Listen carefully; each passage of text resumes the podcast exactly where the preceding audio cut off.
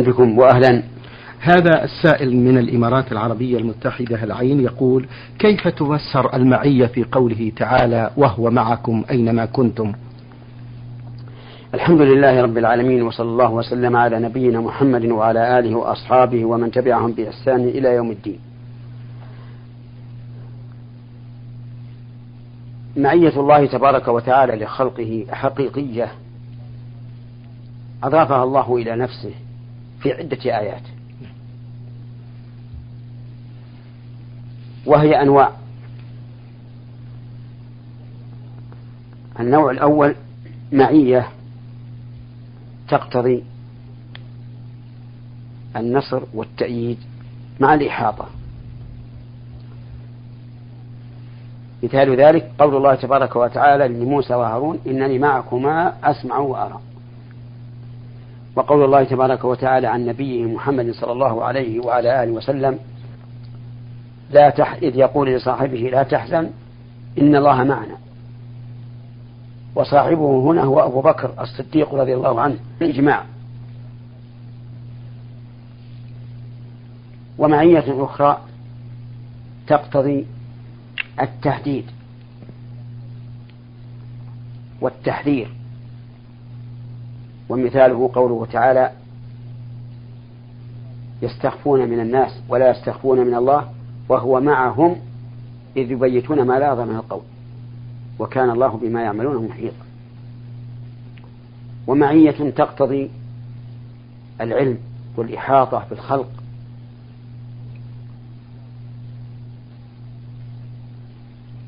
كما في قول الله تعالى ما يكون من نجوى ثلاثة إلا ورابعهم ولا خمسة إلا هو سادسهم ولا أدنى من ذلك ولا أكثر إلا وهو إلا هو معهم أينما كانوا.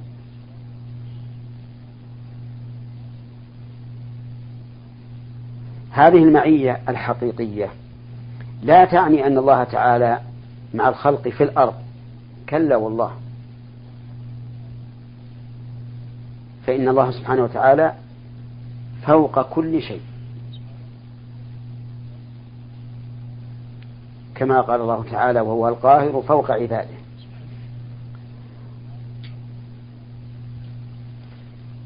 وقد دل الكتاب والسنة والإجماع والعقل والفطرة على علو الله تبارك وتعالى. وأنه فوق كل شيء. وتنوعت الأدلة من الكتاب والسنة على علو الله تبارك وتعالى. واستمع. قال الله تعالى وهو العلي العظيم قالها في أعظم آية من كتاب الله وهي آية الكرسي. والعلي من العلو. وقال تعالى سبح اسم ربك الأعلى والأعلى وصف تفضيل لا يساميه شيء. وقال الله تبارك وتعالى يدبر الأمر من السماء إلى الأرض ثم يعرج إليه. وقال تعالى أأمنتم من في السماء أن يخسف بكم الأرض فإذا تمور؟ أم أمنتم من في السماء أن يرسل عليكم حاصبا فستعلمون كيف نذير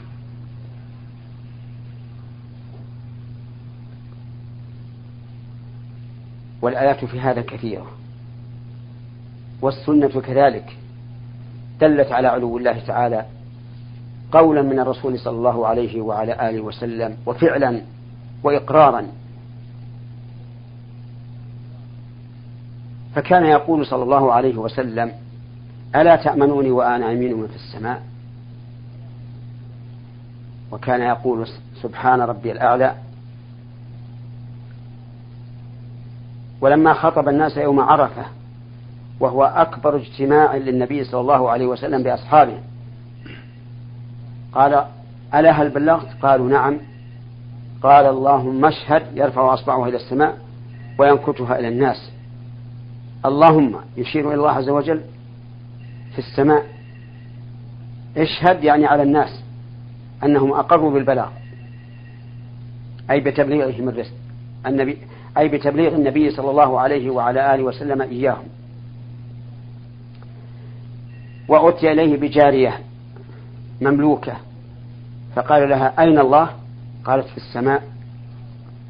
فقال لسيدها أعتقها فإنها مؤمنة. وأقرها على قولها إن الله في السماء.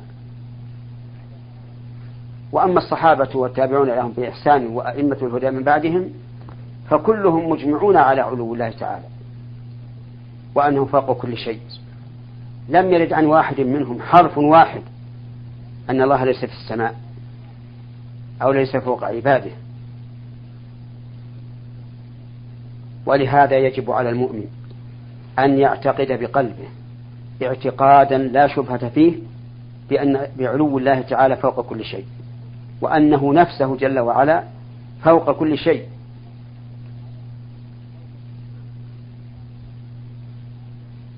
وكيف يعقل عاقل فضلا عن مؤمن أن يكون الله تعالى مع الإنسان في كل مكان. أيمكن أن يتوهم عاقل بأن الإنسان إذا كان في الحمام يكون الله معه؟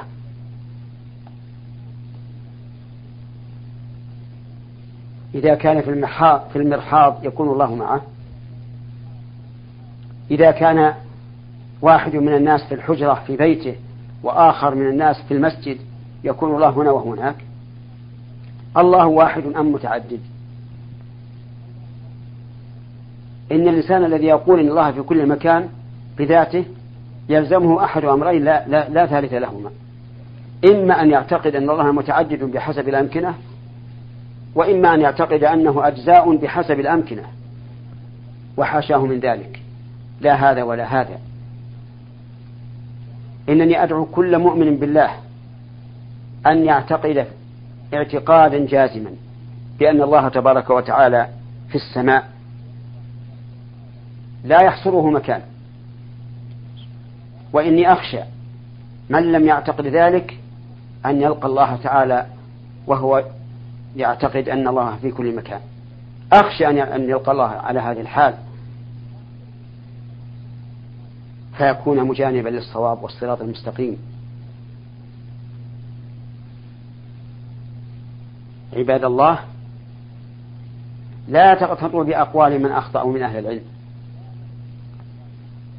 اقرأوا القرآن بأنفسكم واعتقدوا ما يدل عليه. هل يمكن أن يقرأ قارئ وهو العلي العظيم وهو القاهر فوق عباده؟ سبح اسم ربك الأعلى. ثم يعتقد أنه في المكان الذي أنت فيه الذي هو فيه الذي يعني الذي الإنسان فيه لا يمكن أبدا.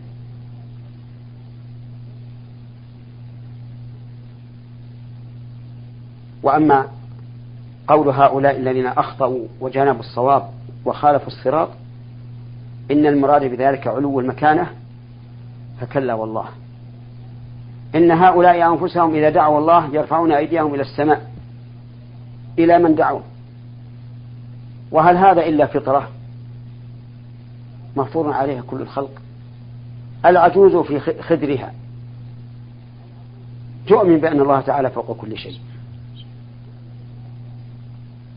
فالفطرة إذن دالة على علو الله تعالى نفسه فوق كل شيء.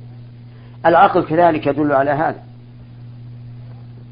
فإنه من المعلوم أن العلو أن العلو صفة كمال وأن السفور صفة نقص.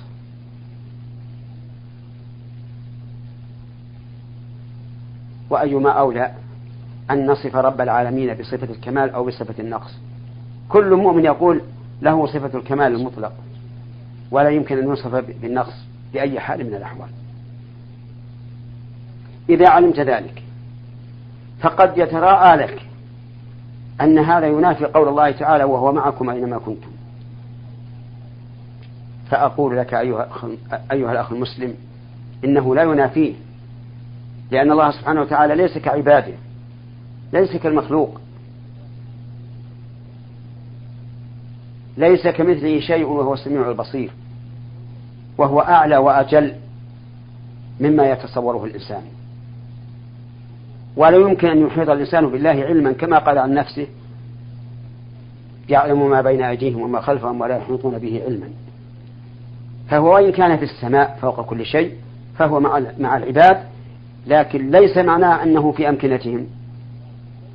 بل هو محيط بهم علما وقدرة وسلطانا وغير ذلك من معاني ربوبيتهم.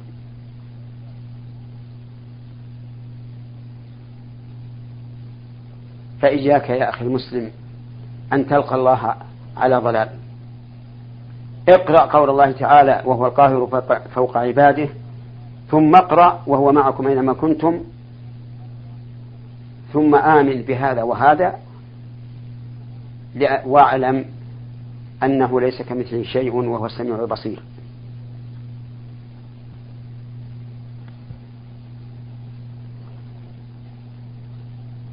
فيجب على الإنسان أن يؤمن بأن الله فوق كل شيء بأن الله نفسه فوق كل شيء وأنه ليس حالا في الأرض ولا ساكنا فيها. ثم يؤمن مرة أخرى بأنه تعالى له عرش عظيم. قد استوى عليه أي على عليه علوا خاصا غير العلو المطلق. علوا خاصا يليق به جل وعلا. وقد ذكر الله استواءه على العرش في سبعة مواضع من القرآن. كلها بلفظ استوى على. واللغة العربية التي نزل بها القرآن تدل على أن استوى على أي على عليه. كما في قول الله تبارك وتعالى وجعل لكم من الفلك والأنعام ما تركبون لتستووا عليه ثم تذكرون نعمة ربكم إذا استويتم عليه. نعم. وجعل لكم من الفلك والأنعام ما تركبون لتستووا على ظهوره. ثم تذكروا نعمة ربكم إذا استويتم عليه وتقول سبحان الذي سخر لنا هذا وما كنا له مقرنين وإنا إلى ربنا لمنقلبون. وقد أجمع الصحابة رضي الله عنهم على أن استواء الله على عرشه استواء حقيقي. وهو علوه جل وعلا على عرشه. لم يرد عن أحد منهم تفسير ينافي هذا المعنى. أبدا. وهنا أعطيك قاعدة. وهو أنه وهي أنه إذا جاء في الكتاب والسنة لفظ يدل على معنى. ولم يرد عن الصحابة خلاف خلافه فهذا إجماع منهم على أن المراد به ظاهره وإلا لفسروه بخلاف ظاهره ونقل عنهم ذلك.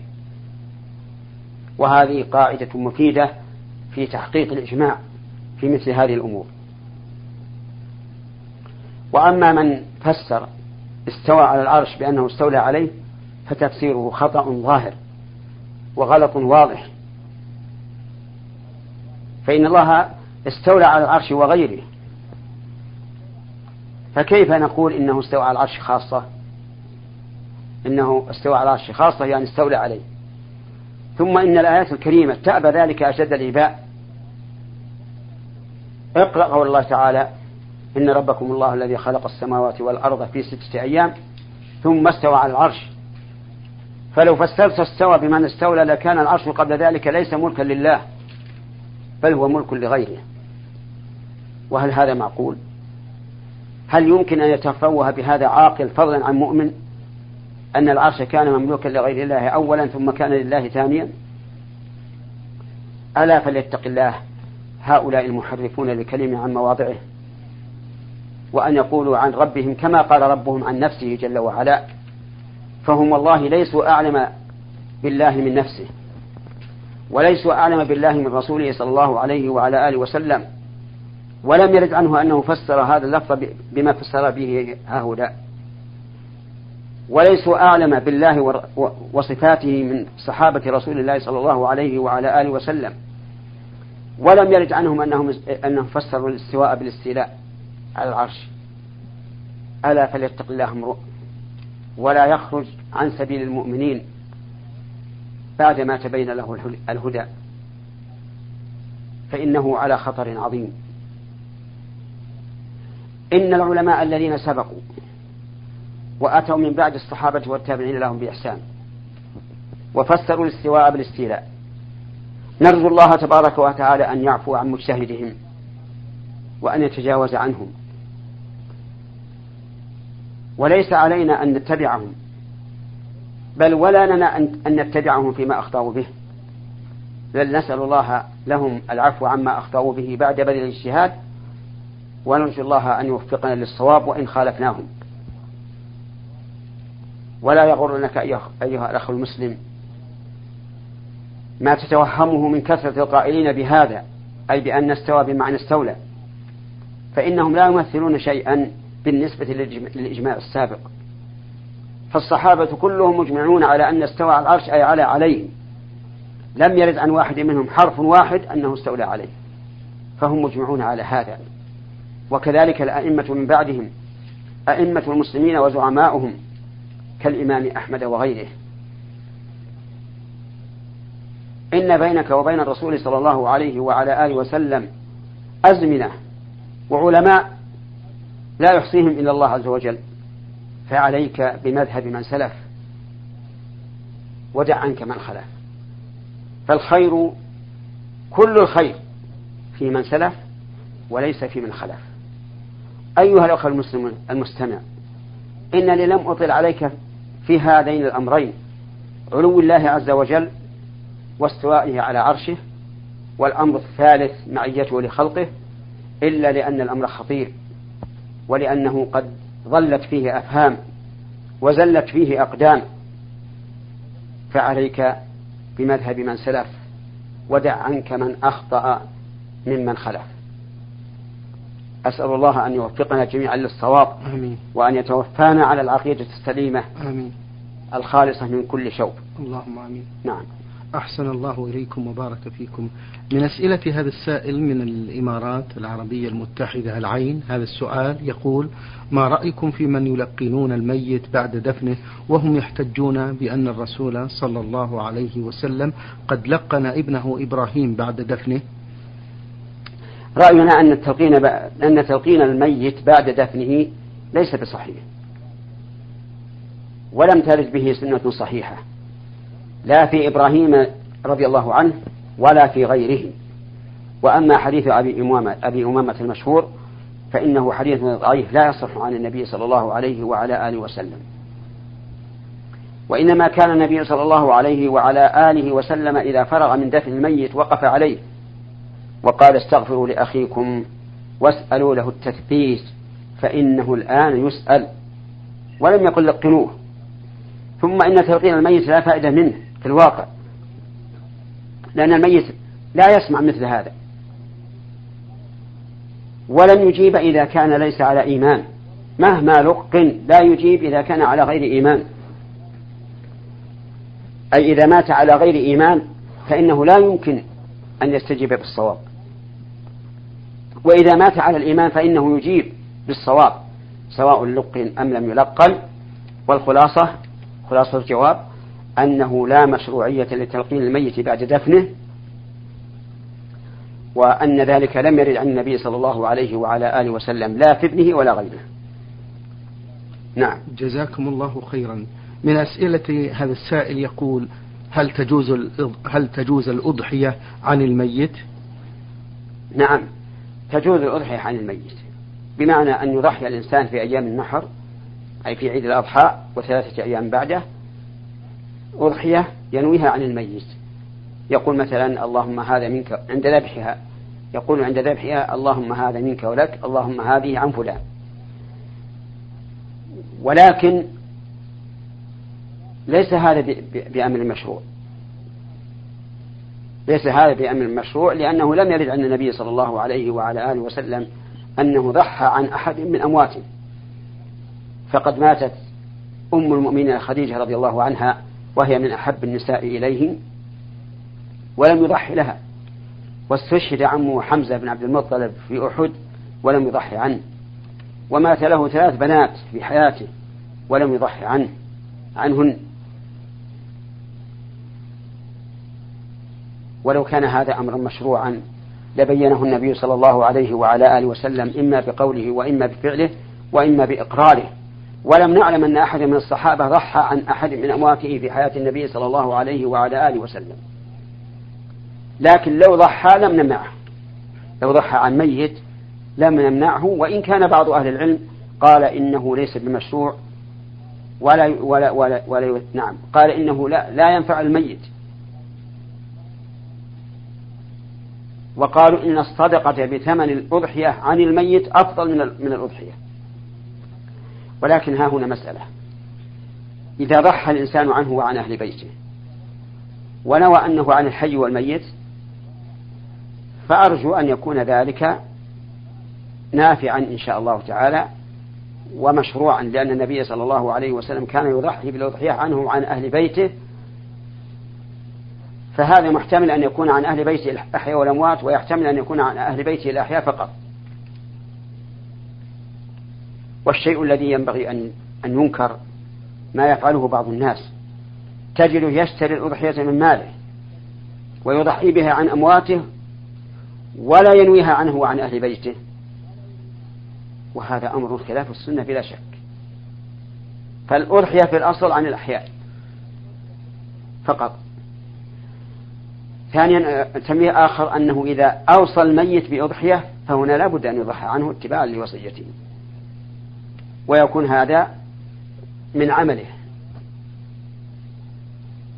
نعم. نعم من عمله لأنه أوصى به. نعم. أحسن الله إليكم.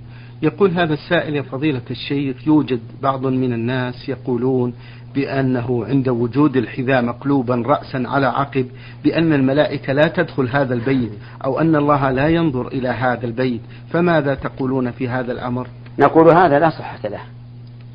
ولا أعلم في كون النعل مقلوبة بأسا. لكن هذا أمر شديد عند الناس وقد يكون الأمر شديدا عند الناس ولا أصل له.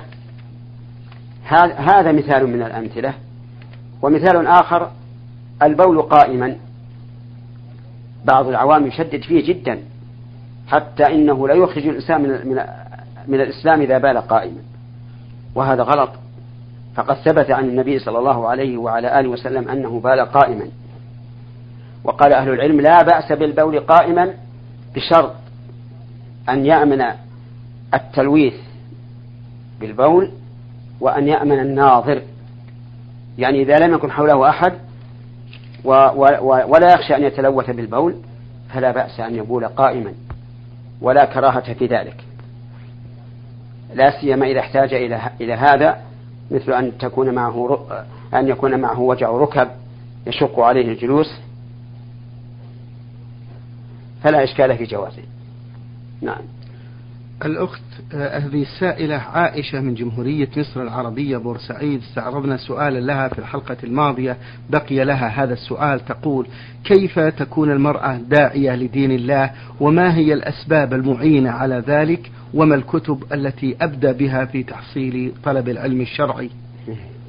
تكون دا تكون المرأة داعية كالرجل تماما إذا كان لديها علم بشريعة الله. فإن لم يكن لديها علم فلا يحل لها أن تتكلم بلا علم.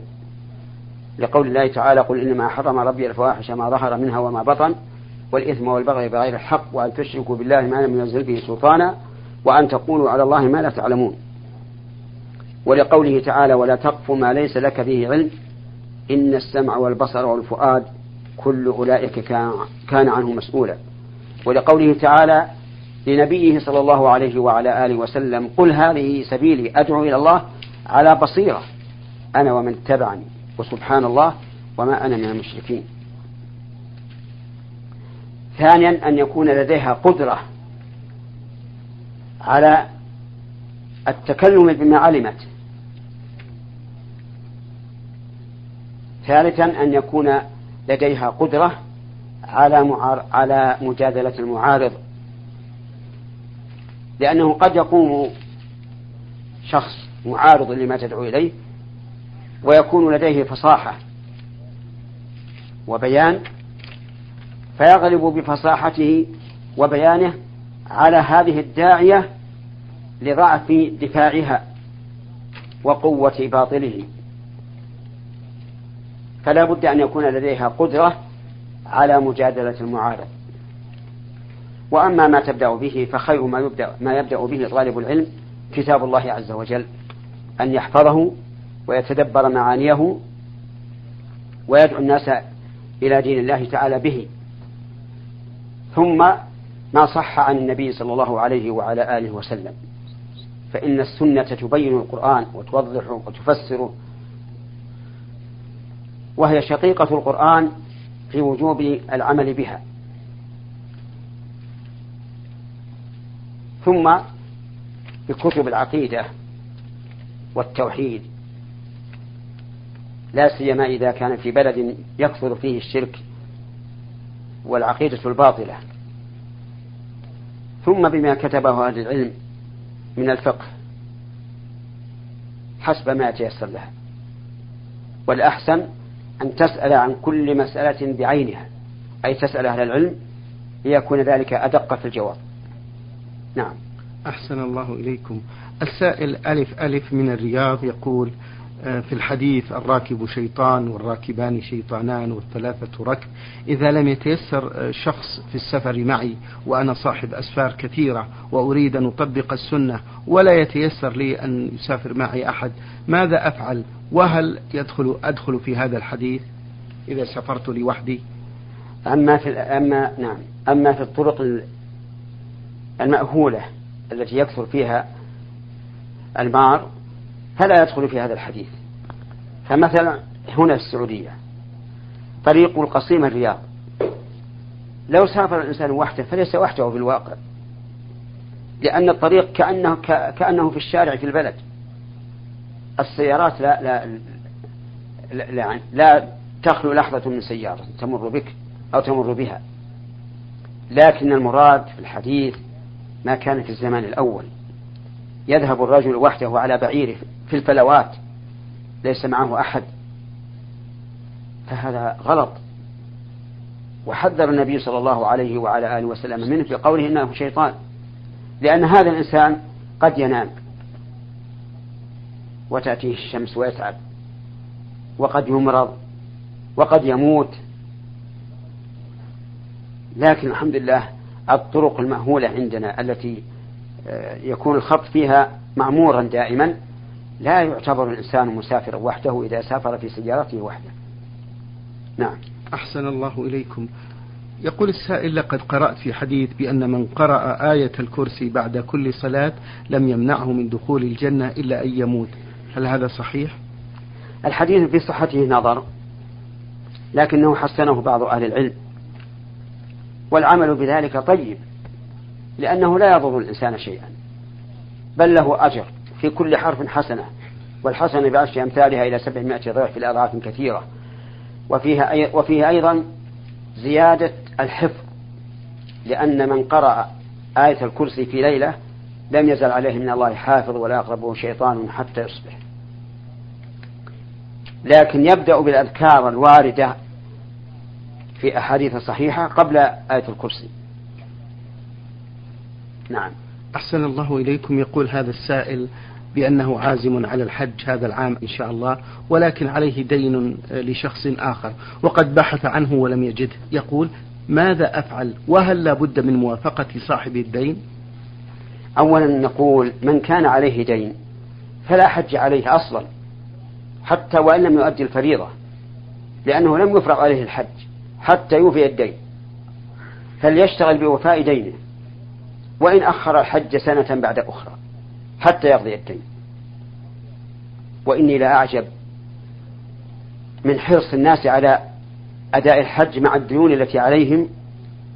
وهم يعلمون أو لا يعلمون أن حق الله عز وجل مبني على المسامحة. وأن من عليه دين فلا حج عليه. ومع ذلك يماطلون أصحاب الديون أو لا يماطلون ولكن يحجون. هذا غلط منهم بلا شك. نقول اقض دينك ثم حج. وإذا كنت لا تعرف صاحب الدين فابحث عنه بقدر المستطاع. فإذا لم تجده وكان عندك مال واسع تعلم أنك تحج ويبقى لديك فضل كبير زائد على الدين فحينئذ لا بأس أن تحج. نعم. شكر الله لكم فضيلة الشيخ وبارك الله فيكم.